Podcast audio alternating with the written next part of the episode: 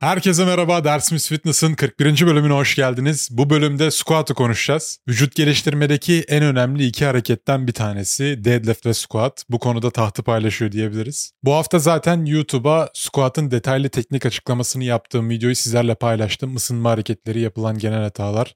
Hangi şekilde yaparsan bu hareketten maksimum verim alabilirsin. Bu videoyu izledikten sonra öğreneceksin. Bu videonun linkini de zaten squat nasıl yapılır diye bölüm notlarına bırakacağım. Oradan ulaşabilirsin. Biraz uzun oldu ama internet üzerinde bulabileceğin en detaylı squat açıklaması oldu.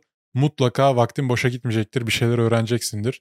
Bu hareketten maksimum verim almak istiyorsan bilmen gereken bütün detaylar o videoda olacak.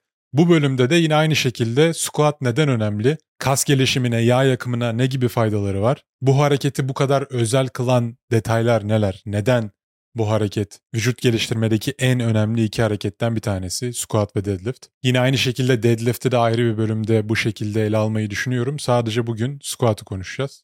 İster hayatında hiç squat yapmamış biri ol, istersen yıllardır squat yapan biri ol. Bu videoyu izlediğinde sıfırdan nasıl başlaman gerektiğini ve hali hazırda zaten ileri seviye bir squat yapan insansan bunu nasıl daha da ileri taşıyabileceğini bu bölümde konuşacağız. Şimdi squat ve deadlift'i spor salonunda yaptığın diğer bütün hareketlerle, makinalarla, onlarla bunlarla istediğinle kıyasla.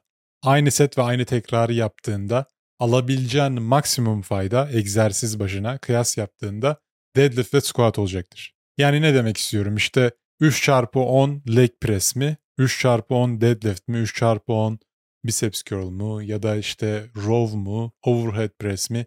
Hangi hareketle karşılaştırırsan karşılaştır aynı şartlar, aynı set ve tekrarlar altında en fazla kas gelişimi ve yağ yakımına fayda sağlayacak iki egzersiz deadlift ve squat. Bugün squat ele alıyoruz. Bu hareket çok özel bir hareket. Yaklaşık olarak 3-4 tane hareketi kombine ettiğinde belki aynı faydayı alabileceğin bir hareket. Ama bir de şimdi burada bu hareketi bu kadar övüyorum. Hani ben bu hareketi yapıyorum niye bu kadar fayda göremiyorum ya da görmedim diyebilirsin. Senin yaptığın hareket squat olmayabilir. Yani hani sen de çömeliyorsun, kalkıyorsundur belki. Ama bu hareketin belli başlı tekniklerini uygulamadığında sadece çömelip kalkmaktan ibaret bir hareket olacak. Yorulacaksın. Hatta ağırlığı yanlış noktalara bindirirsen omurganı ciddi strese maruz bırakabilirsin, sakatlıklara sebep olabilirsin. Zaten podcast'te anlatamayacağım detayların hepsini o size bahsettiğim squat videosunda detaylı olarak hani kendim göstererek ısınma hareketlerini, teknik detaylarını, eklemlerinin alması gereken pozisyonları, nefesi, tutuşu yani barı aldığından squat yaptın bırakana kadar bütün süreci yaklaşık bir saat içinde size detaylı bir şekilde anlattım. O videoyu izledikten sonra hani yanlış squat yapma ihtimaliniz yok. Bundan sonrası tamamen size kalmış. Sadece pratik yapmanız gerekiyor orada anlattıklarımı. Hani doğru squat tekniğini bilmekle uygulamak çok farklı şeyler. Bunları bilebilirsiniz. Ama bilmeniz doğru yapacağınız anlamına gelmiyor. Doğru yapmak biraz vakit alıyor. Vücudunuza öğretmeniz lazım. Bunun için de bol bol pratik yapmanız gerekiyor. Bu hareketi gerçekten 1-2 saatte anlatmak zor. Hani bir saatlik egzersiz detaylarını içeren videoyu çektim paylaştım. Yine bu bölümde squat hakkında konuşmak istiyorum. O da yaklaşık bir saate yakın sürecektir diye tahmin ediyorum. Zaten olimpik lifterların, powerlifterların yıllarca tekrar ettiği, hala da iyileştirmeye çalıştıkları çok komplike bir hareket bu. Öyle hemen ben öğrendim yapabileceğim diyebileceğin bir hareket değil. Yani biceps curl'u mesela hani ben sana göstereyim. Hemen bir iki saat içinde hani 10 numara biceps curl yapabilir hale gelebilirsin. Ama squat böyle bir hareket değil. Gerçekten yıllarını alıyor iyileştirmek. Hani ben yaklaşık olarak 5-6 yıl squat tekniğimi iyileştirmek için detaylı olarak, düzenli olarak pratik yaptım. Hala daha her antrenmanda iyileştirdiğimi düşünüyorum. Hani beni geçtim 20 yıllık powerlifterlarla, olimpik lifterlarla konuştuğunda hala da her antrenmanda tekniklerini geliştirebildiklerini söylüyorlar. Bunun gerçekten sonu yok. Tıpkı bir yüzücünün, bir basketbolcunun üçlük atışlarını çok basit bir şeymiş gibi görünse de her yıl geliştirdiği gibi bu da sinir sistemimiz bu hareketi öğrendikçe refleks haline gelen, pratik yaptıkça taze kalan bir yetenek. Zaten uzun süre squat yapan herhangi bir insana sorduğunuzda bu hareketin ne kadar iyi bir hareket olduğunu size söyleyecektir. Her ne kadar bacak hareketi olarak bilinse de aslında tüm vücudu çalıştıran mükemmel bir hareket. Evet, belden aşağısı ağırlığın büyük bir kısmını devralıyor. Belimizin aşağısında bulunan kaslar çok daha fazla aktif oluyor. Fakat üst vücudumuz da bacaklar kadar olmasa da çok büyük oranda aktivasyon sağlıyor bu harekette. Neden? Şimdi sen omurganı düşündüğün zaman öne doğru hafif eğimli bir şekilde ağırlığı omuzlarına koyuyorsun. Bu pozisyonda sen yer çekimine karşı ve yüke karşı direniyorsun. Normal şartlardan olması lazım senin öne doğru kapanman lazım tamamen sırtına o kadar yük aldığında. Yer çekiminin de etkisiyle yere doğru kapanmıyorsun. Kor kaslarını, omuz kaslarını, sırt kaslarını gergin tutarak o ağırlığı ağırlık merkezinde ayağının tam ortasında tutup çömelip kalkmaya çalışıyorsun. Ağırlık boşlukta hareket ediyor. Sağa sola gidebilir, öne geriye gidebilir ama sen merkezde kalmaya çalışıyorsun. Dolayısıyla bütün kas gruplarını aslında aktive eden mükemmel bir hareket. Aynı zamanda spor salonunda yaptığın hareketler arasında en fazla hareket açısına sahip olan hareket. Yani başlangıç pozisyonunu düşün A noktası bir de bitiş pozisyonunu düşün B noktası. Derine squat yaptığın zaman neredeyse hani boyunun uzunluğuna bağlı olarak, bacak uzunluğuna bağlı olarak boyun kadar ağırlık altında hareket ediyorsun. Spor salonunda yaptığın hiçbir harekette bu kadar geniş bir hareket açısı yok. Yani buna deadlift dahil. Deadlift'te çok fazla çömelmediğin için hareket açısı squat'tan bir tık daha kısıtlı. Zaten bir kasın gelişimi için en önemli iki faktör neydi? Hareket açısı. Hareket açısı genişledikçe ve maruz kalınan yüktü değil mi ikincisi de? İkisi de mevcut bu harekette.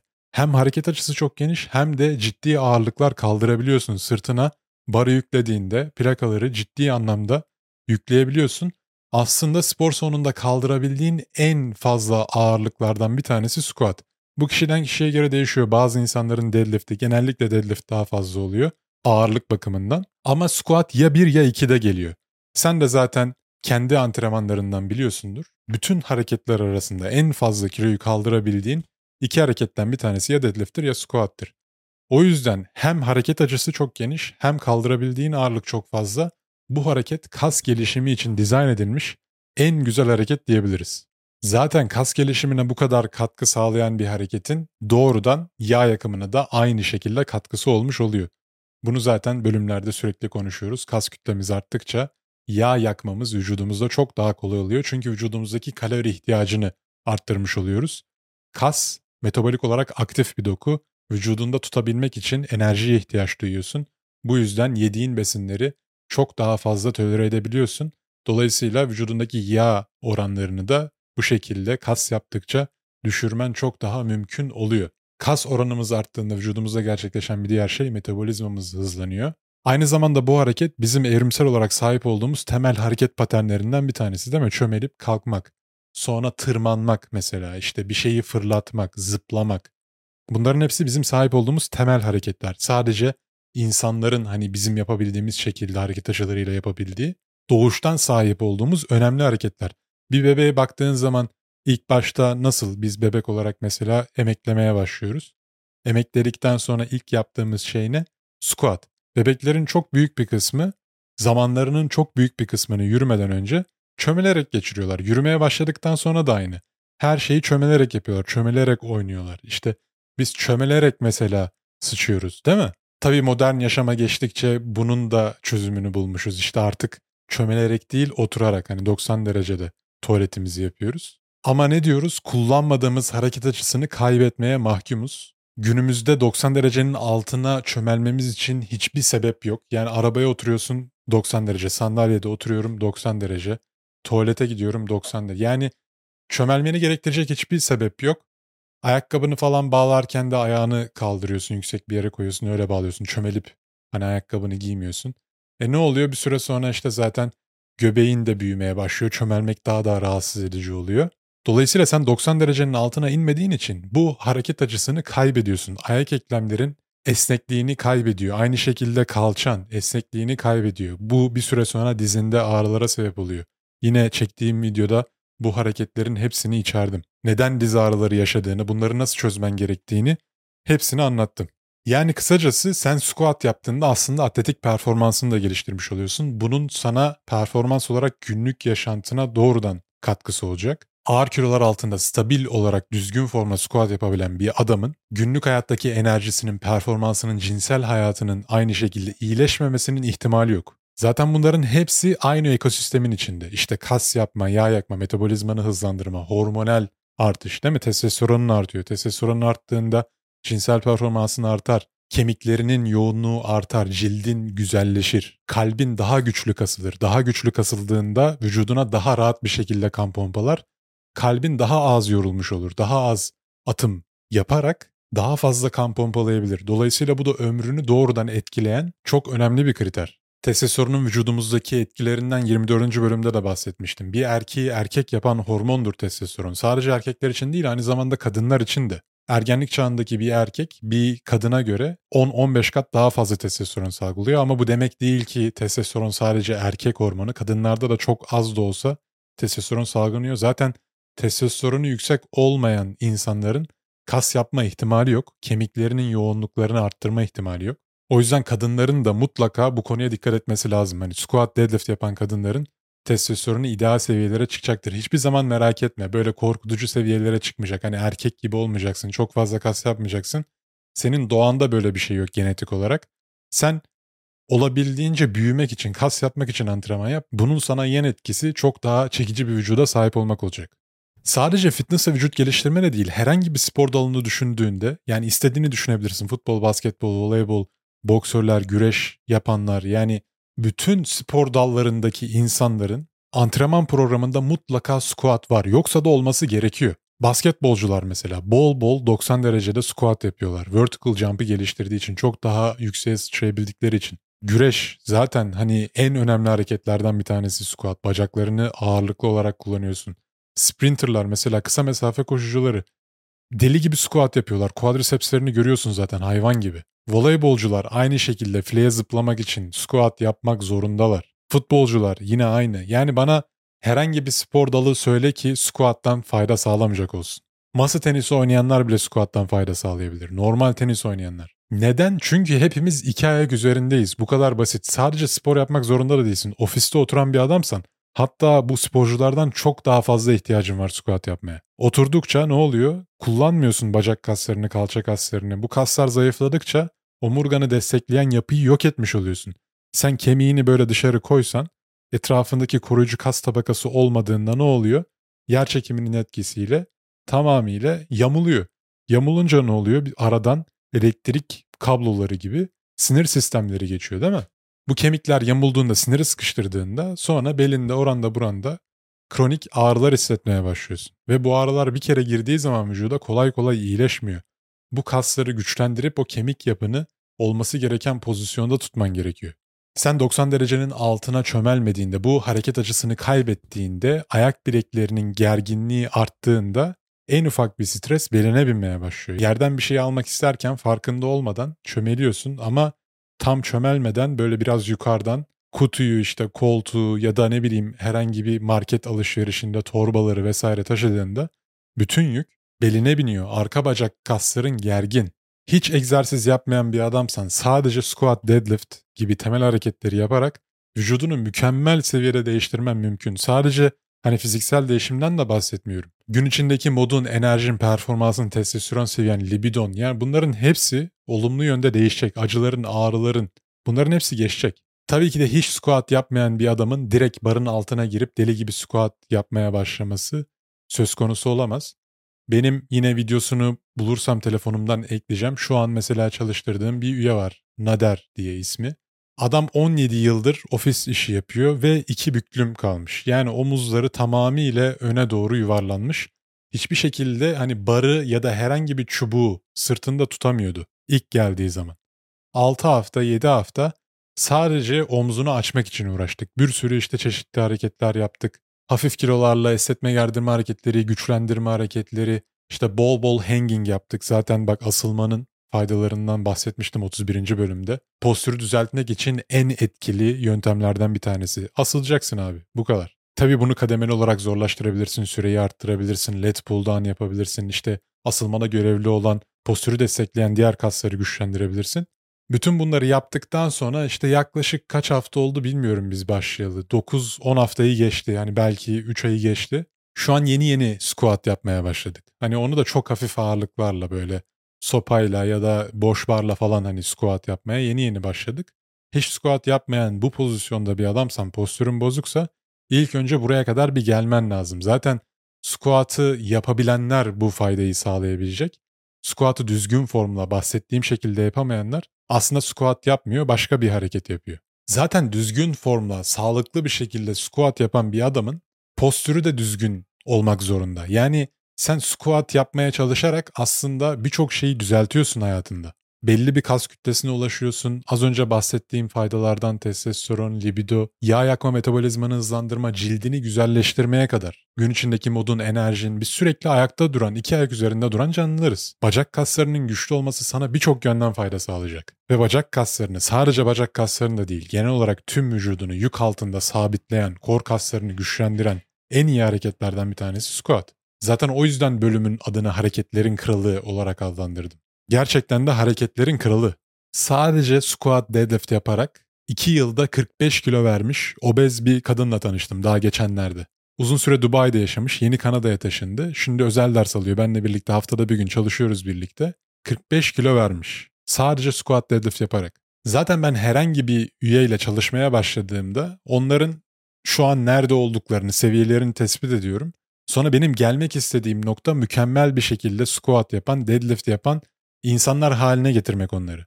Zaten bu amacı ben güttüğümde hani bu, bu bunun için çalıştığımızda antrenmanlarda şekli kendiliğinden değişiyor. Bizim amacımız kilo düşmek değil, daha iyi squat yapmak, daha düzgün forma, daha ağır squat yapmak. E zaten kilo vermek, işte metabolizmayı hızlandırmak, testosteron artması, gün içindeki enerjinin artması, cildinin güzelleşmesi bunların hepsi bunun yan etkisi oluyor. Bir de şöyle bir algı var işte benim belim ağrıyor, squat yapmamam lazım, tehlikeli bu hareket benim için. Aksine squat yapamadığın için, düzgün forma squat yapmadığın için belin ağrıyor olabilir mi? Zaten düzenli olarak squat yapan bir adamın hani böyle powerlifter değilsen saçma sapan ağırlıklarla sürekli omurgana yük bindirmiyorsan, formun bozulmuyorsa hani squat yapıyorken o durum ayrı. Çünkü onlar bu sefer fazla ağırlıktan bel ağrıları hissediyorlar. Çünkü bu omurga ağır yük altında en ufak harekette bile sinir sıkışmasına ya da ciddi sakatlıklara, hasara sebep olabiliyor. İşte fıtıklar, bel kaymaları vesaire. Normal bireylerden konuşacak olursak insan gibi ağırlık kaldıran, düzenli olarak squat'ı pratik yapan insanlardan hani bunu antrenmanınıza nasıl entegre etmeniz gerektiğini, set tekrarlar, hangi antrenman metotlarıyla uygulamanız gerektiğini bölümün sonunda detaylı bir şekilde ele alacağım. Aynı şekilde YouTube'daki çektiğim videoda da zaten bunları göreceksiniz detaylı bir şekilde. Yani senin belin, dizin, işte herhangi bir yerinde bir ağrı varsa benim amacım bu ağrıyı tespit edip o eklemi çevreleyen kasları güçlendirip seni ağrısız yaşamadan deadlift squat yapabilir hale getirmek. Çünkü ben bunu başarabilirsem sen hayatın boyunca hiçbir zaman bel ağrısı, diz ağrısı ya da herhangi bir eklem ağrısı hissetmeyeceksin. Burada bu uyarıyı tekrar yapmak istiyorum. Bir ilacı zehirden ayıran şey tamamıyla dozaj. Kaldırdığın ağırlık, tekniğin çok önemli. Sen gidip Smith Machine'de squat yapıyorsun. Bakın Smith Machine'de bunu tekrar tekrar söylüyorum. Hani bazen YouTube'da yorumlarda falan soruyorsunuz kesinlikle Smith Machine'de squat yapmayın. Sakatlanacaksınız. Bunun başka bir hani A'sı B'si C'si yok. Sakatlanacaksın. Smith Machine daha önce de söylediğim gibi üst vücut için tasarlanmış bir hareket. İlk olarak üst vücut için çıkarılıyor. Tamam belli başlı alt vücut hareketlerinde de iyi fena değil. Hani mesela hip thrust yapabilirsin hareket açısı kısa. İşte ya da tek bacak stationary lunge falan yapabilirsin. Bu tarz hareketler için okey ama genellikle Smith Machine'de antrenman yapılması taraftarı değilim. İşte hani close grip bench press yapıyorsundur ya da normal bench press yapıyorsundur kısa açılarda çok fazla ağır kilo kaldırmaya çalışıyorsundur. Okey ama özellikle spora yeni başlayan bir insansan Smith Machine'de sakatlanmama ihtimalin çok zor. Serbest ağırlıkla ağırlığın vücuduna göre hareket etmesini sağlayabilirsin. Makineye oturduğunda sen makinenin hareket açısına göre adapte olmak, ona ayak uydurmak zorundasın. Bu da zaten hepimiz farklı antrenman geçmişine, farklı genetik yapılara, kemik uzunluğuna vesaire sahip olduğumuz için hepimizin antrenman tecrübesi de aynı olmadığı için ciddi sakatlıklara sebep oluyor. Sadece antrenman tecrübesiyle de alakalı değil. Ben arada bir hani böyle üst vücut için kullanayım diyorum Smith Machine'i. Ne zaman böyle bir hani omuz pres yapmaya falan kalksam direkt omzumda ertesi gün bir ağrı hissediyorum. Tabii hangi Smith Machine'i kullandığına da bağlı. Bazıları şöyle hafif eğimli oluyor. Yukarı doğru kalktıkça öne doğru gidiyor. Bazıları free motion yani istediğin yöne hareket edebiliyorsun. Çünkü hem dikeyde hem de yatayda bir aya bağlı. En çok onları seviyorum ben zaten. Hani onlar iyi. Aynı zamanda bazıları mesela yağlanmamış, doğru düzgün kaymıyor bile böyle hani zar zor yukarı iktiriyorsun falan. Onlar tamamıyla sakatlık için dizayn edilmiş makineler. Hani bunu aklınızın bir köşesinde bulundurun. Mümkün olduğunca boş barla hangi hareketi yapıyorsanız yapmanızı tavsiye ederim. Daha büyük kollara sahip olmak istiyorsan mesela squat yap. Ne alaka diyeceksin. Squat yaptığında vücudundaki testosteron seviyesi artacak, growth hormonunun salgılanması artacak ve sinir sistemini geliştirmiş oluyorsun bu tarz ağır hareketleri yaptığında. Nasıl? Çok ağır kaldırabildiğin bir hareket olduğundan bahsetmiştik. Ağır kaldırdıkça ne oluyor vücudunda? İster istemez bütün kas gruplarını sıkmaya başlıyorsun. Parmak ucundan saç teline kadar bütün vücudun gergin olmak zorunda o kadar ağırlığı kontrollü bir şekilde indirip kaldırabilmen için. Hem de bu kadar geniş açıda. Bu yüzden vücudun inanılmaz geriliyor. Gerildikçe sinir sistemin gelişiyor. Yani kendini kasabilme kabiliyetin gelişiyor. Ve bu da kaldırdığın diğer ağırlıklarda direkt yansıyor. Sen tuttuğun biceps curl'de daha ağır kaldırabiliyorsun. Bench press'te, overhead press'te. Vücudunda daha fazla gerginlik yaratabildiğin için kaslarını kasabilme kapasiten genel olarak geliştiği için spor salonunda yaptığın bütün hareketlere olumlu olarak yansıyor bu. Dolayısıyla genel kas kütlesini arttıran çok önemli bir egzersiz squat. Kas kütlesini arttırmak demişken hemen yağ yakımının etkisinden de bahsedelim. Vücudumuzun yağ oranını düşürmek için uygulayabileceğimiz iki yöntem var. Ne yapabilirsin? Ya mevcut yağ dokunu azaltabilirsin. Hani ne kadar yağ oranın varsa, yağ kütlen varsa bunu kalori kısıtlamasına giderek azaltabilirsin. Ya da bir ikinci ihtimal ne yapabilirsin? Vücudundaki yağ kütlesini tamamıyla aynı tutarak kas kütleni arttırabilirsin. Şimdi vücudundaki 10x yağ genel vücut kütlene göre sende işte %20'lik yağ oranına tekabül ediyorsa sen yağ kütlende hiçbir değişiklik yapmadan vücuduna kas eklediğin zaman ne oluyor? Aynı orandaki yağ kütlesi oran olarak daha da azalmış oluyor. Yani yağ oranını düşürmüş oluyorsun kas kütleni arttırdığın zaman. Dolayısıyla yağ oranını düşürmek için takip edebileceğin iki yöntem var. Birincisi hali hazırdaki yağ depolarını enerji olarak kullanmaya teşvik edebilirsin. Kalori açığı oluşturabilirsin. Bir ikincisi de hali hazırdaki kas kütleni arttırmaya çalışabilirsin. Squat, deadlift gibi hareketler de mükemmel bu konuda. Genel kas kütleni arttıracağı için yağ oranın direkt olarak az azalacaktır. Bunun en güzel örneklerden bir tanesini ben çalıştırdığım kadın üyelerden biriyle yaşadım Sunali. İlk çalışmaya başladığımızda 64 kiloydu. Bir yıl boyunca düzenli olarak çalıştık. Haftada bir kez beni gördü. Geri kalan günlerde benim ona verdiğim antrenman programını takip etti. Toplamda haftada sadece 3 antrenman yaptı. Ve bir yıl boyunca hani beni görmediği zamanlar 3-4'ü geçmemiştir. Yani belki 3-4 hafta aralarda aksatmıştır. Onun dışında gayet hani sürekli bir şekilde, istikrarlı bir şekilde geldi her hafta. Ve bir yılın sonunda 64 kilodan 52 kiloya düştü. Ve bil bakalım hani en çok yaptığımız hareketler ne? Squat ve deadlift. Ve ilk günden itibaren en sevdiğim üyelerden bir tanesiydi. Çünkü bana geldiğinde şunu dedi. Ben bu squat, deadlift, bench press, overhead press hani bu hareketleri bana anlatıyor. İsimlerini bilmiyor. Sadece gösteriyor işte hani başının üzerinde pres yaptığın, yerden ağırlık kaldırdığın hareketler. Bunları öğrenmek istiyorum. Bana bunları öğretir misin falan. Çok hani güzel görünüyor. Böyle bir kadının onu yapması bence çok çekici falan. Ya dedim tabii ya dedim hani aradığım üye. İlk günden itibaren çok sevdim zaten. Çünkü genelde benim hep şöyle oluyor. Hani üyeleri özellikle kadın üyeleri bu hareketleri yapmaya ikna etmekle geçiyor ilk 2-3 ayım. İşte çok kaslı olacağım. Ben hani erkeksi görünmek istemiyorum. Bu hareketleri yapmak istemiyorum falan. Hani bu algıyı kırmakla geçiyor ilk aylar. Bu yüzden onunla çok hızlı sonuç aldık. Yani ne dediysem uyguladı. Beslenme açısından, antrenman açısından hani gerçekten işimi çok kolaylaştırdı. Şu an 52 kiloda vücudundan çok daha fazla deadlift yapıyor. İşte 52 kilo en fazla 60 kaça çıktık? 68 kiloya falan çıktık deadlift'te. Hatta geçenlerde daha işte 60 kiloyla 5-6 tekrar rahat bir şekilde yapabildi. Hani 52 kilo bir kadının bunu yapması gerçekten büyük bir başarı. Hani formu da gayet güzel. Belinde hiçbir yamulma vesaire yok. Videosunu çekmiştim. Videoya eklerim bakabilirsiniz. Bir de hani bana geldiğinde işte bir grup dersinde hit training yaparken kalçası, kalça kasını yırtmış. O sakatlıkla gelmişti. 3 ay 4 ay spor yapamamış falan yine kilo almış baya. Burpee yaparken sakatlanmış bu arada. Yani arkadaşlar grup antrenmanlarında bunlara dikkat edin. Bakın şimdi oradan oraya atlayarak zıplayarak ter atmaya hani böyle kalori yakmaya çalışıyorsun ya. Bu şekilde kilo vereceğini düşünüyorsun ya. Ne oluyor biliyor musun? Özellikle de bunları böyle arka arkaya dinlenmeden ağırlıklarla falan yapmaya çalıştığında kasların bir süre sonra yoruluyor. Kasların dayanıklılık kapasitesi var. Değil mi?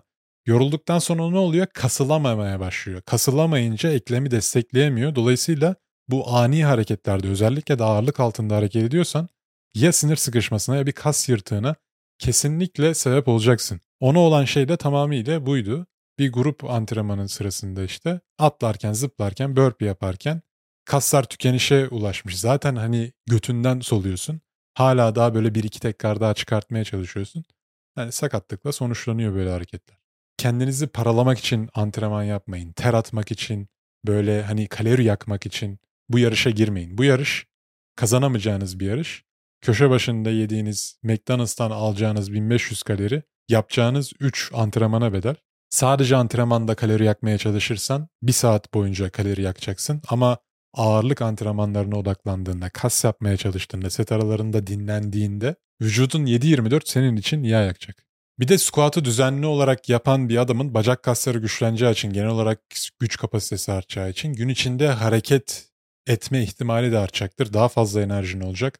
Bacak kaslarına daha güçlü olduğu için sen bilinçsiz bir şekilde daha az tembel davranacaksın gün içinde. İşte bir yere giderken mesela yürümeyi tercih edeceksin. Çok fazla yorulmadığın için mesela ayakta daha fazla vakit geçireceksin belki. Genel olarak günlük performansını etkileyeceği için hareketini de günlük kalori yakmanı, adım atma sayını da doğru oranda arttıracak. Zaten bizim sorunumuz hareket edememek. Senin adım sayın arttığında, kan dolaşımın hızlandığında vücudundaki yağ yakımı ya da genel olarak hormonal seviyenin düzenlenmesi, vücudundaki toksik maddeleri dışarı atman çok daha kolay olacak.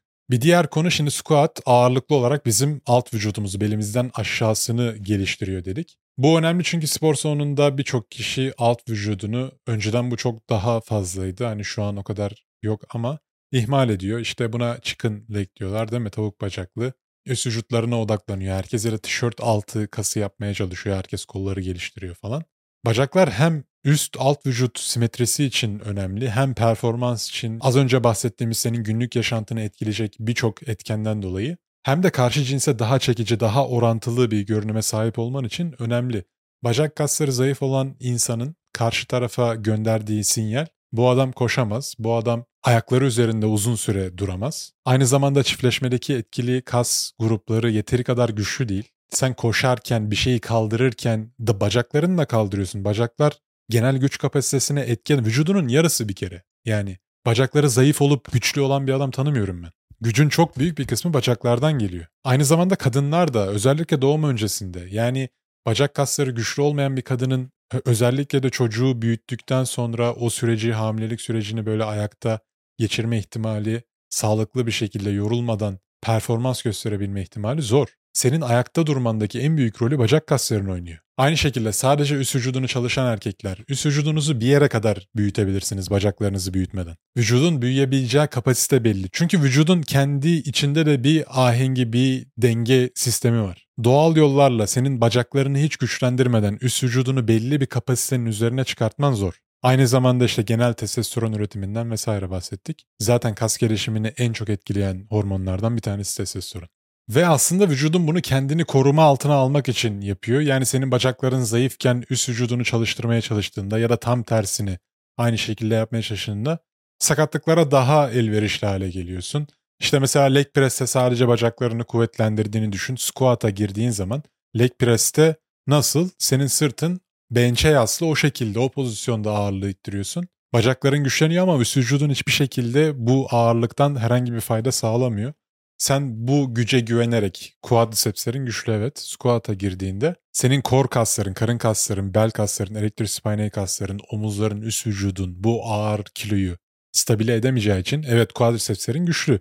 Kaldırabilecek seviyede ama üst vücudun aynı kapasitede olmadığı için sakatlıklara davetiye çıkarıyorsun. Aynı şekilde üst vücut alt vücudunda ciddi fark olan insanların overhead gibi ayakta yapılan pres hareketlerinde yine sıkıntı yaşadığını göreceksin. Düzenli olarak squat yapan bir adamın beli gerçekten tank gibi oluyor. Özellikle ayakta serbest ağırlıklarla yaptığın hareketlerde sana ciddi bir stabilizasyon sağlıyor. Zaten senin kor kasların kol kaslarından, bacak kaslarından farklı bir kas. Mesela senin biceps kasını nasıl çalıştırıyorsun? İşte flexion yapıyorsun, extension yapıyorsun. Bu şekilde biceps curl yapıyorsun. Tricepsini triceps extension yapıyorsun. Ama senin kor kasların ağırlıklı olarak flexion extension'dan ziyade sabit, izometrik olarak kasılarak gelişmesi gerekiyor. Çünkü kor kaslarının görevi aslında bu. Senin omurganı sabit tutmak, stabil tutmak. Bu yüzden zaten karın antrenmanlarında ya da genel olarak kor bölgesini çalıştığın antrenmanlarda bunların dengesini iyi ayarlaman gerekiyor. Yani sürekli olarak stop yapan bir adamın, mekik çeken bir adamın güçlü korkasına sahip olması düşünülemez. Ya yani korkası dediğin sadece mekikten ibaret değil. Sadece karın kasından ibaret değil. Korkusu senin omzundan beline kadar yani bütün gövdeni kapsayan kas grubu. Omurganın stabilizasyonunu arttıran hareketlere baktığın zaman mesela deadlift. Deadlift'te ne yapıyorsun? Gövdeni mümkün olduğunca gergin tutmaya, dik tutmaya çalışıyorsun. İşte belini kamburlaştırmamaya çalışıyorsun. Ağır kiloların altına giriyorsun. Yerden koparıyorsun ya da omzunu alıp çömelip kalkıyorsun. Kor kasların inanılmaz derecede aktif oluyor. Senin omurganı sabitlemek için elinden geleni yapıyor. İzometrik olarak kasılıyor. Yani güçlü bir kor kasına sahip olmak istiyorsan senin evet flexion extension yapman lazım. İşte stop'tır, hyper extension'dır bu tarz hareketleri yapman lazım. Belki bunlar bir katkı sağlıyor ama en büyük katkıyı aslında sana yaptığın ağır deadlift squat gibi omurganı dik tuttuğun ama kastığın, gerginlik yarattığın hareketler. Aynı zamanda rotasyon hareketlerini de içermen lazım. İşte stop hareketlerini yaptığında üst vücudunu kaldırdığın hareketler var, bacaklarını kaldırdığın hareketler var. Yani temelde baktığın zaman 4-5 farklı kategori var korkası denildiğinde akla gel- gelebilecek. Bunlardan en önemli olanı bu sabit tuttuğun hareketler. İşte squat deadlift gibi ağır kilo kaldırdığın ve kor bölgeni mümkün olduğunca stabil tutmaya çalıştığın hareketlerde gövde kasların inanılmaz derecede güçleniyor. Ve bu hareketler güç kapasiteni geliştirmede büyük rol oynuyor. İşte zaten olimpik lifterların sürekli olarak bu temel hareketleri pratik yapmalarının güçlü olmalarındaki en büyük etkilerinden biri bu. Ve squat, deadlift gibi bu tarz çok eklemli hareketleri sürekli pratik yaptığında, ağır kiloların altına girdiğinde güç kapasiteni ciddi anlamda genişletiyorsun. Zaten olimpik lifterların, powerlifterların bu kadar güçlü olmasının sebebi de bu. Olimpik lifterlar özellikle hani relative strength'ine, göreceli kuvvetlerine baktığın zaman, hani ağırlıkları ve kaldırdığı yüke baktığın zaman çok ciddi bir fark var güç kapasitelerinin %90'ını, %95'ini kullanabiliyor bu adamlar. Ortalama bir insan %40 ile 50'sini kullanabiliyor. İşte bu squat, deadlift gibi ağır kaldırdığın hareketler de senin bu güç kapasiteni arttırıyor. Aslında hepimiz doğuştan bu kabiliyete sahibiz. Yani hepimiz bu kadar güçlenebiliriz. Tabii ki genetik faktörler vesaire önemli ama hani kapasitemizin çok altında güç yeteneğimizi kullanıyoruz aslında. Bu tıpkı işte hani bilim adamlarının beyninin çok daha büyük kısmını kullanması gibi ortalama insan çok fazla düşünmediği için beynini zorlamadığı için kapasitesinin çok daha azını kullanıyor. Güç de aynı şekilde sen kendini zorladıkça kapasitenin sınırlarını zorladıkça açılan bir şey ve bu genel güç kapasitesi arttığında bütün hareketlere yansıyacaktır. Güçlenmek bir insanın yapabileceği en sağlıklı şeylerden bir tanesi. Eğer senin gücün sürekli olarak kademeli bir şekilde artıyorsa vücudunda birçok şey iyiye gidiyor demektir. Çünkü sağlıklı vücut güçlenebilir. Yani sen güçleniyorsan çok sağlıklı bir birey olduğunu gösterir bu.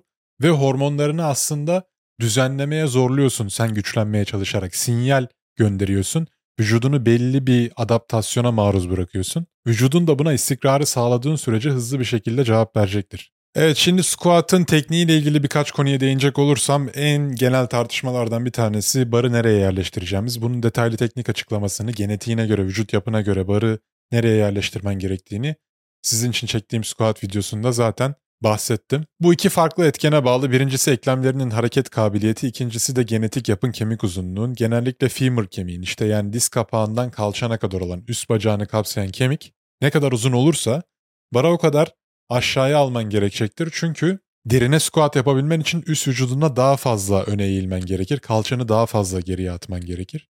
Yani kısacası uzun boylu insanların genellikle barı biraz daha aşağıya konumlandırmaları gerekiyor. Ama tabii uzun boylu olan mobilitesi çok iyi olan insanların barı biraz daha üst konumlarda konumlandırdığını da görebilirsin. Ben ilk squat'a başladığımda gerçekten aşağıda tutarak rahat ediyordum. Daha sonrasında mobilitem geliştikçe biraz daha ortalara çıkarabildim ama tabii genetik yapının da sınırları çerçevesinde antrenman yapmak önemli. Aldığın sonucu doğrudan etkileyecektir. Aynı zamanda bu femur kemiğinin kalçaya nasıl bağlandığı, hangi açıyla ne kadar derine girdiğinin yine squat pozisyonlarını etkilediğinden videoda bahsettim. Bunları kısaca özet olarak geçeceğim kendimi tekrar etmemek için.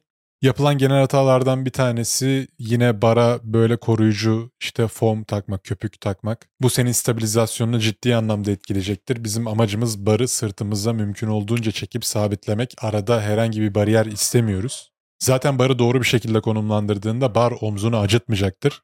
Eğer bir ağrı hissediyorsan bu yanlış konumlandırdığını gösterir. Aynı şekilde doğru squat belinde bir ağrıya sebep olmaz. Doğru deadlift bir ağrıya sebep olmaz. Bu hareketleri tehlikeli yapmayın diye adlandıran antrenörler, doktorlar vesaire duymuş olabilirsin. Bu bu hareketin kötü olduğunu göstermez. Senin bu hareketi düzgün formla yapamadığını gösterir ya da bunun öncesinde yapman gereken hareketleri yapmadığını, mobilitenin yeteri kadar iyi olmadığını, stabilitenin, kor gücünün yeteri kadar iyi olmadığını gösterir. Bizim amacımız bu hareketleri yapabilir kondisyona gelmek. Ben sana demiyorum hemen sıfırdan gidip bu hareketleri yapmaya çalış diye. Ama amacımız oraya gelmek olması gerekiyor. Bu ağırlıkları kaldırırken dikkat etmen gereken en önemli şeylerden bir tanesi barı öyle bir konumlandıracaksın ki squat yapıp kalktığında tam ayağının ortasına gelmesi lazım. Yani ben yan profilden böyle bardan aşağıya doğru bir çizgi çizdiğim zaman tam ağırlık merkezine gelmesi lazım barın. Biraz öne gittiğinde ya da biraz geriye gittiğinde farklı eklemlere farklı stresler bineceği için sakatlıklara sebep olabilir. Hareket zorlaşır, ideal ağırlığı düzgün formla maksimum seviyede kaldırmanı engeller. Bütün hareketler baktığın zaman sakatlık riski oluşturuyor. Yani bazen işte benim videoların altına yazanlar oluyor. Enseye çekiş hocam hani herkes yapmayın diyor işte ya da dips işte sakatlığa sebep oluyor vesaire gibi. Bu hareketlerin hepsi bizim kapasitemiz dahilinde yapabileceğimiz hareketler. Bunları yapamıyor olmamız bu hareketlerin kötü olduğunu göstermez. Bizim mobilitemizin yeterli olmadığını gösterir. Hareketin tekniğini iyi uygulamadığını gösterir. Eğer sen kendini bu kategoride görüyorsan, bu hareketleri yaparken ağrısız hissediyorsan yapma.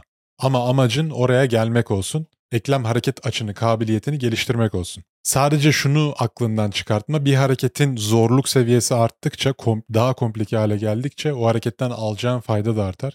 İşte dips ya da enseye çekiş, lat pull down, squat, deadlift bu tarz hareketler zor olduğu kadar ya, düzenli olarak ya da düzgün formla yaptığında alacağın fayda da o oranda yüksek olacaktır. Squat'ı en iyi formla yapabilmen için uygulaman gereken bütün mobilite hareketlerini zaten o videoda bulacaksın. Onları bol bol pratik yapmanı öneririm. Sadece antrenmandan önce değil, antrenmandan önce mutlaka yap.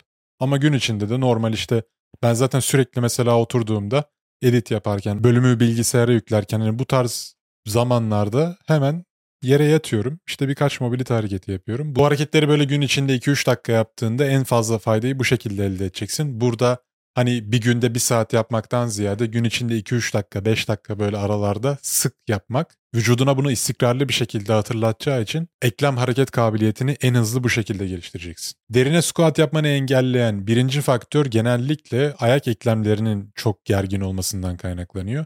Bunu hemen böyle dibe doğru squat yaparak test edebilirsin. Çok fazla derine inmeye çalıştığında geriye doğru düştüğünü göreceksin. Sadece çömelmek de yeterli değil. Dik omurgayla kollarını yere paralel tutarak en dibe kadar çömelebilmen gerekiyor.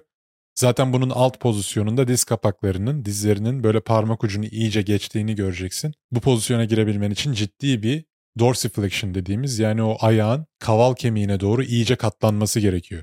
Aynı şekilde tibia kasını güçlendirebilirsin. Yani kaval kemiğinin üstündeki kalf kasının tam ters tarafındaki, ön tarafındaki kas grubunu güçlendirebilirsin. Tibia raise denilen bir hareket var.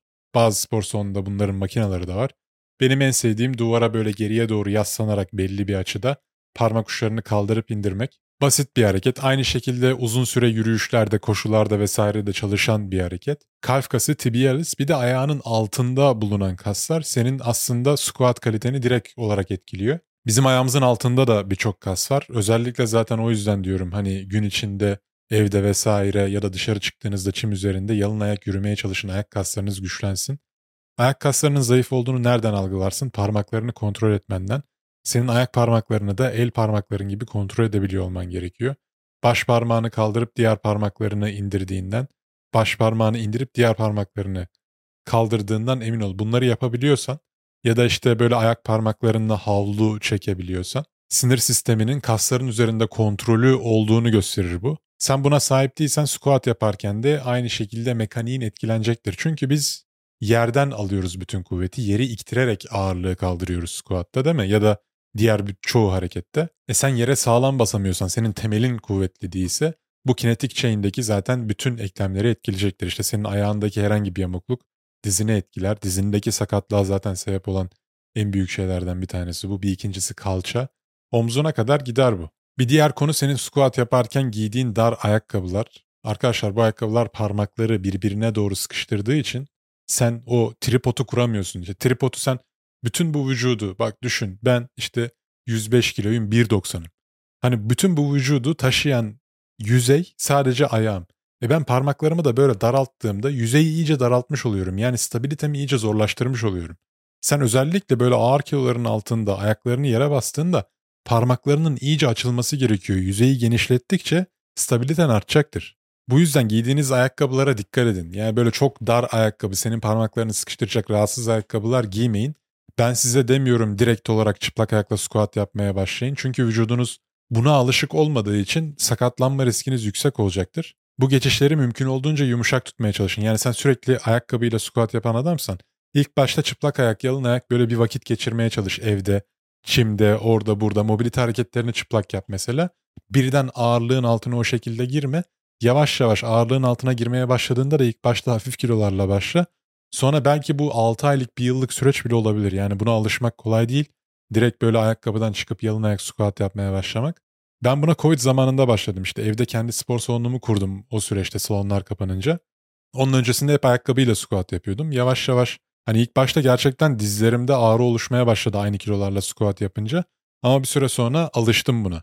Zaten sürekli slackline işte doğada da böyle yalın ayak vakit geçirince o ipin üzerinde antrenmanları yapınca ayak kaslarımı ciddi anlamda kuvvetlendirdim ve bu direkt olarak benim squatıma ya da diğer bütün hareketlere güç anlamında yansıdı. Senin ayak kaslarındaki zayıflık, ayak bileğindeki hareket açının limitli olması ya da kalça mobilitenin aynı şekilde yeterli seviyede olmaması senin dizlerinde ciddi strese sebep olacaktır. Zaten dizinin yapısına baktığın zaman da işte ACL, MCL, PCL bunların hepsi yani çapraz bağlar olarak adlandırabileceğimiz yapılar dizin yanlarında ve iç kısmında bulunan yapı tendonlar, bağ doku ciddi strese maruz kalıyor. Bizim dizimiz sadece flexion extension öne geriye katlanıp açılmak için dizayn edilmiş. Sen sağa sola oynatmaya çalıştığında yük altında bu yapılar hasar görüyor. Bara baktığın zaman bar uzun, sırtında taşıyorsun, iki tarafta da ağırlık var. Bir tarafa doğru biraz fazla yüklendiğinde bütün kinetik chain'i etkiliyor. Ya da aynı şekilde senin ayak mobiliten bir yerde daha fazla olduğunda o fazla olan tarafa doğru daha çok eğileceksin. Hareket esnasındaki bu küçük oynamalarda eklemlere ciddi stres bindirecektir. Kor kaslarını kuvvetlendirmek için yapabileceğin bir diğer hareket mesela quadris lumborium diye bir kas var. Yani kalçanın yanlarında böyle obliğin iç taraflarında derinde bir kas. Senin pelvisini sağa sola doğru oynatan kas. Bu kası geliştirmek için, stabilizasyonunu arttırmak için suitcase carry denilen yani böyle bavul taşıma hareketini yapabilirsin. Sadece bir tarafına ağırlık alıyorsun. Omuzlarını mümkün olduğunca dik tutup o ağırlığı vücudunu sağa sola doğru eğmeden dik bir şekilde yürüyerek taşıyorsun. Aynı şekilde bir sonraki set diğer eline alıyorsun şeklinde. Ağırlıkla izometrik kasılma yaparak yürüyorsun. Ne oluyor? Sen ağırlığı aldığında vücudun buraya gitmek istiyor değil mi? Bir tarafa doğru eğilmek istiyor ama bu diğer kaslar sen sabit tutmaya çalıştığında aktif oluyor. Bu da aslında bizim ihtiyacımız olan en önemli kaslardan bir tanesi barbell squat yaparken. Çünkü barı düşündüğün zaman bir tarafa doğru daha fazla ağırlık bindiğinde senin sağa sola doğru oynamaman gerekiyor. Kalçanı kontrol eden bu kasları da ne kadar güçlü ve stabil tutarsan omurganı o kadar güvenli hale getirmiş olursun. Aynı şekilde offset training var mesela. Bu nedir? Barın bir tarafına biraz daha fazla ağırlık yüklüyorsun. Atıyorum 5-10 kilo daha fazla yüklüyorsun. O şekilde squat yapmaya çalışıyorsun ama burada kaldırdığın ağırlıkları ciddi anlamda düşürmen lazım. Mesela bunu ilk ilk etapta şöyle deneyebilirsin. Atıyorum 100 kilo squat'ı rahat bir şekilde yapan adamsın. 60 kiloya düşürdün, 50 kiloya düşürdün. Bir tarafı 5 kilo daha fazla yaptın mesela. Bir tar o ağır olan tarafa doğru eğilmemeye çalışarak, kendini sabitlemeye çalışarak yani suitcase carries mantığında bu quadriceps lumborium kaslarını, kor kaslarını iyice aktif ederek normal dik bir şekilde squat yapmaya çalışıyorsun ama bir tarafta ağırlık daha fazla. Sonra bir sonraki set ağırlığı çıkartıp diğer tarafa takıyorsun şeklinde böyle squat'ı pratik yapabilirsin.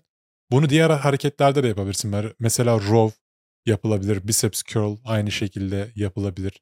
İşte squat'ıydı, deadlift'iydi bunların hepsini de uygulayabilirsin. Bu hareketleri telefonda videosunu bulabilirsem ekleyeceğim mutlaka videoya. Yine aynı şekilde işte böyle hani buna ne diyorlar tam bir ismi yok. İşte kanoda kürek çekme denilebilir. Çünkü ona benziyor biraz. Bir bacak öne atıyorsun.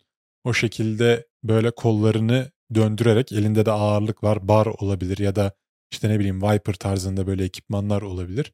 O şekilde kollarını döndürerek korkaslarını sabit tutmaya çalışarak işte rotasyon yeteneğini geliştiriyorsun.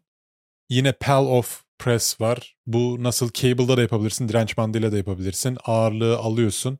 birkaç adım uzaklaşıyorsun çıkış noktasından. Daha sonra kendine doğru yaklaştırıp ileri doğru uzatıyorsun. Yani direnç aslında yandan geliyor ama sen mümkün olduğunca gövdeni dik tutmaya çalışıyorsun vesaire. Birçoğunuzun squat'a başlamadan önce bu priming hareketlerini, mobilite hareketlerini yapması gerekecek. Bazı insanlar, profesyonel sporcular direkt böyle boş barla ısınıp ondan sonra squat yapmaya başlayabiliyor.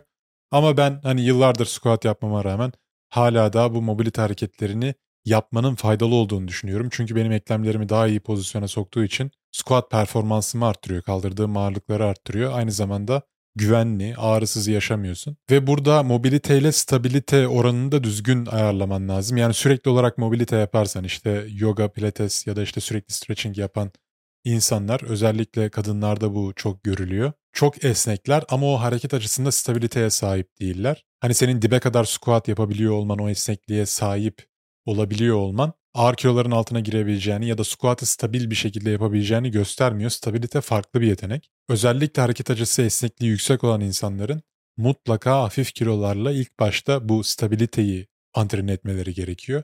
İşte izometrik kasılmalar, yavaş tempo, forma odaklan vesaire. Yine mesela squat'a başlamadan önce row hareketlerini yapabilirsin. Ben bunu omuzları öne doğru yuvarlanmış olan işte üyemle birlikte, naderle birlikte sürekli yapıyorum. Squat hareketlerini yapmadan önce ya böyle direnç bandı ile işte row hareketleri yapıyoruz ya da cable row hafif kilolarla. Mümkün olduğunca o kürek kemiklerinin arasındaki kasları, rhomboid kaslarını sıkıştırarak omuzları geri almaya çalışıyoruz. Çünkü barbell squat'taki pozisyon tam olarak bu. Omuzlarını mümkün olduğunca geriye alıp barı bastırman gerekiyor. Bu pozisyona rahat bir şekilde girmeni sağlayacak hareketlerde row hareketleri. Aynı şekilde wall press hareketini yapabilirsin. Duvara karşı yaslanıyorsun. Belini mümkün olduğunca boşluk bırakmadan göbek deliğini içeri doğru bastırıyorsun. Dirseklerin, omuzların, el bileklerin duvara karşı değiyor. Çeneni geriye doğru alıyorsun, başının arkası değiyor. Kalçan, bütün sırtın komple değiyor. Öyle düşün. Daha sonra pres yapıyorsun, yukarı kalkabildiğin kadar kalkıyorsun. Ondan sonra indiriyorsun. Bunu yaparken duvardan hiçbir şekilde temasını yitirmiyorsun. Bu hareket hem üst vücudunu hem de kor kaslarını prime yapacaktır, squat hazırlayacaktır. Aynı şekilde 8 tekrar 10 tekrar yavaş tempoyla yapabilirsin. İhtiyacına göre 1 set, 2 set, 3 sete kadar yapabilirsin. Bu hareketleri yaparken terlemen gerekiyor. Ciddi bir şekilde uygula. Hani sanki normal 5 tekrar 10 tekrar yaparken ki kilonu kaldırıyormuş gibi o gerginliği yaratmaya çalış. İçten kasılma yaratıyorsun. Eklemlerini anca bu şekilde açabilirsin. Kasların olması gereken pozisyona bu şekilde getirirsin. Stabilizasyonu kuvvetlendirmen için bu şart. Diyelim ki tek başınasın squat yapıyorsun ve barın altında kaldın. Çömeldin kalkamıyorsun. Ne yapman gerekiyor? Kesinlikle barı öne doğru almaya çalışma. Hani böyle pres yapmaya falan hiç çalışma. Direkt olarak geriye doğru bırakıp uzaklaşıyorsun. Arkada birinin olmadığına emin ol. Barı geriye doğru at. O şekilde kurtul. Bu konuda yani ciddi sakatlıklar hatta ölen geçenlerde bir kişi öldü. Boynu kırıldı. Çok ağır kilo squat yapıyor. Oturuyor kalkamıyor. Kalkarken işte öne doğru yuvarlanıyor. Kalçası önce kalkınca vücut öne doğru yuvarlanıyor. Bar boynuna düşüyor bildiğin. Hani boynu kırılıyor ölüyor adam. Ve yılların powerliftercisi yani hani bu tecrübesizlikle alakalı bir konu da değil. Mutlaka safety kullanın. İşte bu squat rack'lerde zaten yanlarda iki tane safety bar oluyor. İlk başta boş barla çömel nereye kadar indiğini gör. Daha sonra bu barları o seviyelere ayarla. Sonra ağırlıklarını yükleyip o şekilde squat yapabilirsin. Herhangi bir durumda direkt barı o safety barların üzerine bırakarak kurtulabilirsin. Ben squat'ta spotra yani bir herhangi bir yardımcıya karşıyım. Çünkü çok yüksek teknik gerektiren ve stabilite gerektiren bir hareket. Genellikle yardımcı senin dengeni bozacak. O kadar ağır girmenin de hani bir profesyonel değilsen gerekli olmadığını düşünüyorum.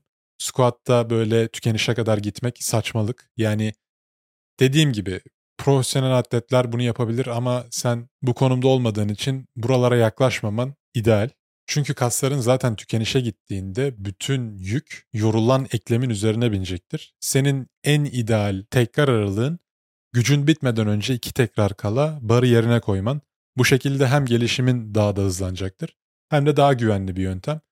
İstersen hani bir set fazla yap, iki set fazla yap ama bu şekilde çalış. Tek sette kendini bu kadar zorlamanın bir anlamı yok. Eğer illa tükenişe gitmek istiyorsan, bir arkadaşından yardım alma ihtiyacı hissediyorsan da spotter yani yardım eden kişi mutlaka koltuk altlarından yardım etsin. Kesinlikle bara dokunmasın ve herhangi bir hani acil durum ihtimalinde ağırlığı bırakabileceğinden haberdar olsun. Yani ağırlığı onun üzerine ayağına falan düşürme. Aranızda bir işte güvenlik elime kararlaştırın. Ağırlık altında konuşmak da zor olacaktır. Hani bunu bir şekilde ayarlamanız lazım. Aniden bırakman gerekebilir. Arkadaki kişinin buna hazır olması lazım. Evet şimdi squat'ta uygulayabileceğin ileri seviye tekniklere gelelim. Barla birlikte birincisi yavaş bir şekilde negatif tempoyu pratik yapabilirsin. Bir ikincisi ne? Partial reps dediğimiz yani işte bir tane full çömeliyorsun. Daha sonra yarım kalkıyorsun, tekrar çömeliyorsun. Daha sonra tekrar full kalkıyorsun. Bu yarımı altta da yapabilirsin. Yani en alta kadar inip ortaya kadar kalkıp tekrardan çömelip kalkabilirsin. Ya da tamamen kalkıp ortaya kadar inip kalkıp inebilirsin. Hani bu bir buçuk tekrarlar deniyor buna ya da işte yarım tekrarlar. Tamamen 90 dereceye inip kalkarak da yapabilirsin. Basketbolcular genellikle 90 dereceye sadece vertical jump'larını geliştirmek için zıplama yeteneklerini bu şekilde çalışıyorlar. Bir diğeri squat'a tamamen oturup altta bekleyebilirsin. Buna bottom pause deniyor. İşte çömeliyorsun iyice. Sonra 5 saniye, 10 saniye ne kadar bekleyebiliyorsan gergin bir şekilde. Hani böyle oturup rahatlamıyorsun. Gergin bir şekilde o pozisyonu korumaya çalışıp karın kaslarını, bacak kaslarını gerip sonra o, pozisyondan kalkmaya çalışıyorsun. Bunları yaparken ağırlıklarını ciddi anlamda düşürmen gerekiyor. İlk başta bir dene hafif ağırlıklarla ne kadar zor olduğunu gör. Daha sonrasında yavaş yavaş arttır ağırlıklarını. Bir diğeri squat'taki ağırlığını ciddi anlamda geliştirmek istiyorsan kaldıracağından hani maksimum kaldırabildiğin ağırlıktan bir tık daha fazla ağırlık yükleyip sadece barı alıp geriye gelip tekrar bırakmayı pratik yap. Yani ağır barla squat rack'ten alıyorsun, bir adım geri atıyorsun, biraz bekleyip tekrar bir adım öne atıp squat barını yerine bırakıyorsun şeklinde. Bu da neyi geliştiriyor? Senin ağır kiloya alışmanı, o ağır kiloyla hareket etmeni, omzunda taşıma yeteneğini geliştiriyor. Biraz düşürdüğünde ağırlığı çok daha hafif gelecektir omuzlarına. Bu da squat'ını geliştirecektir. Benim sevdiğim bir diğer squat o safety barlarını biraz daha yukarıya koyup çömeliyorsun safety barlara bırakıyorsun ağırlığı. Ondan sonra gerginleşip tekrar oradan sıfırdan kaldırıyorsun. Momentumu öldürüyorsun. Oradan kalkmaya çalışıyorsun. O safety barların seviyesini artık nereye getirmek istiyorsan ona göre ayarlayabilirsin. Yine aynı şekilde safety barların üzerine barı oturtturup kaldıramayacağın ağırlığı yükleyip izometrik olarak hani oynayamayan bara karşı, oynamayan cisimlere karşı squat yapmaya çalışabilirsin. Oynamayacağından emin olduğun cisimlere karşı uyguladığından emin ol. Yani atıyorum 100 kilo squat yapabiliyorsan 200 yükle bara. Ondan sonra böyle kaldırabildiğin kadar kaldırmaya çalış. Tabi güvenlik barlarının üstünde. Bacak kaslarını mümkün olduğunca gerdirmeye çalış. Bar oynamıyor. Sen sadece vücudunda gerginlik yaratma yeteneğini pratik yapmış oluyorsun. Yine işte sumo squatlar ayaklarını açabilirsin böyle parmak uçlarını 45 derece yanlara çevirebilirsin. Bu şekilde squat yaptığında biraz daha iç bacakların ve kalçan işte bacaklarının farklı bölümlerini aktif etmiş oluyorsun. Sumo squat dedik ondan sonra goblet squat var işte e, dumbbell'ı önde tutup ya da barı front squat şeklinde yapabilirsin önde tutup çömelip kalkıyorsun. Topuklarını yükseltebilirsin işte heel elevated daha çok ön bacaklarına yüklenecektir. Bunlar da diğer versiyonları. Squat'ta uygulayabileceğin bir diğer teknik zincirleri kullanabilirsin. Zincirleri koyduğunda aşağıya doğru çömeldiğinde zincirin halkaları yere değiyor. Yere değdikçe bar hafifliyor. Sen yukarı kalktıkça zincirin halkaları ağırlığa eklendikçe bara daha da zorlaşıyor. Bu şekilde hareketin üst noktasını daha da zorlaştırıyorsun. Alt noktasında hareket daha da hafifleşiyor, ağırlaşıyor. Bu da bir teknik. Aynı şekilde direnç bantlarını kullanabilirsin. Direnç bantlarını üste bağladığında hareketin alt pozisyonunda barı hafifleteceği için bantlar sana yardımcı olacaktır, kolaylaştıracaktır. Eğer tam tersini yapmak istiyorsan, hareketin üst noktasında hareket ağırlığı zorlaştırmak istiyorsan bantları aşağıya bağlarsın. Yine yukarı doğru kalktıkça bantlar seni aşağı çekeceği için hareket yine zorlaşacaktır. Bunların hepsi farklı teknikler. Aynı zamanda squat'ın farklı varyasyonlarını da pratik yapabilirsin. 25. bölümde çekici kalçalara sahip olmayla alakalı bölümde zaten bunları detaylı bir şekilde anlatmıştım. İşte arka bacaklarını güçlendirebilirsin. Squat'ta güçlenmek istiyorsan Romanian deadlift olur ya da makineler olur. laying leg curl. Ondan sonra Bulgarian split squat mükemmel bir hareket. Bir ayağını arkaya koyup tek bacakla squat yapıyorsun. Lunge öne geriye lunge yapabilirsin. Yine aynı şekilde step up yapabilirsin. Yani yüksek bir platforma ağırlıklarla birlikte çıkabilirsin. Step down yapabilirsin yüksek bir platformdan ağırlıklarla birlikte aşağı inip yere dokunup tekrar yukarı kalkmaya çalışabilirsin vesaire. Bunların hepsi sağlı sollu özellikle kas dengesizlikleri yaşıyorsan güçlendirebileceğin kendini hareketler squat'a olumlu anlamda yansıyacaktır. Bir diğer benim sevdiğim varyasyonda box squat. işte ağırlıkla birlikte bir bench'e ya da herhangi bir platforma oturuyorsun. Daha sonra oradan kalkmaya çalışıyorsun şeklinde. Bu da özellikle ağır kilo kaldırmak istediğinde uygulayabileceğin bir squat varyasyonu. Squat'ı haftada 2-3 gün pratik yapabilirsin ama bu günlerin hepsi ağır olmaması gerekiyor. Her günde ağır kilo çalışırsan overtraining yapmış olursun. Bu hasardan toparlanamazsın. Bu da gelişimin olumsuz yansır. Haftada bir gün ağır çalışıyorsan bir gün orta bir gün hafif sadece boş barla ya da çok hafif ağırlıklarla teknik günleri planlayabilirsin. Ne kadar sık pratik yaparsan o kadar hızlı tekniğin oturacaktır. Alacağın faydalar da bu şekilde artacaktır. Evet bu bölümde squat'ın bütün detaylarından size bahsetmeye çalıştım. Aynı zamanda dediğim gibi bir diğer videoda YouTube'da zaten şu an yüklü. Hareketin teknik detaylarını öğrenmek istiyorsan orada izleyebilirsin. Umarım faydalı olmuştur. Hepinize sağlıklı, huzurlu haftalar diliyorum. Bir sonraki bölümde görüşmek üzere.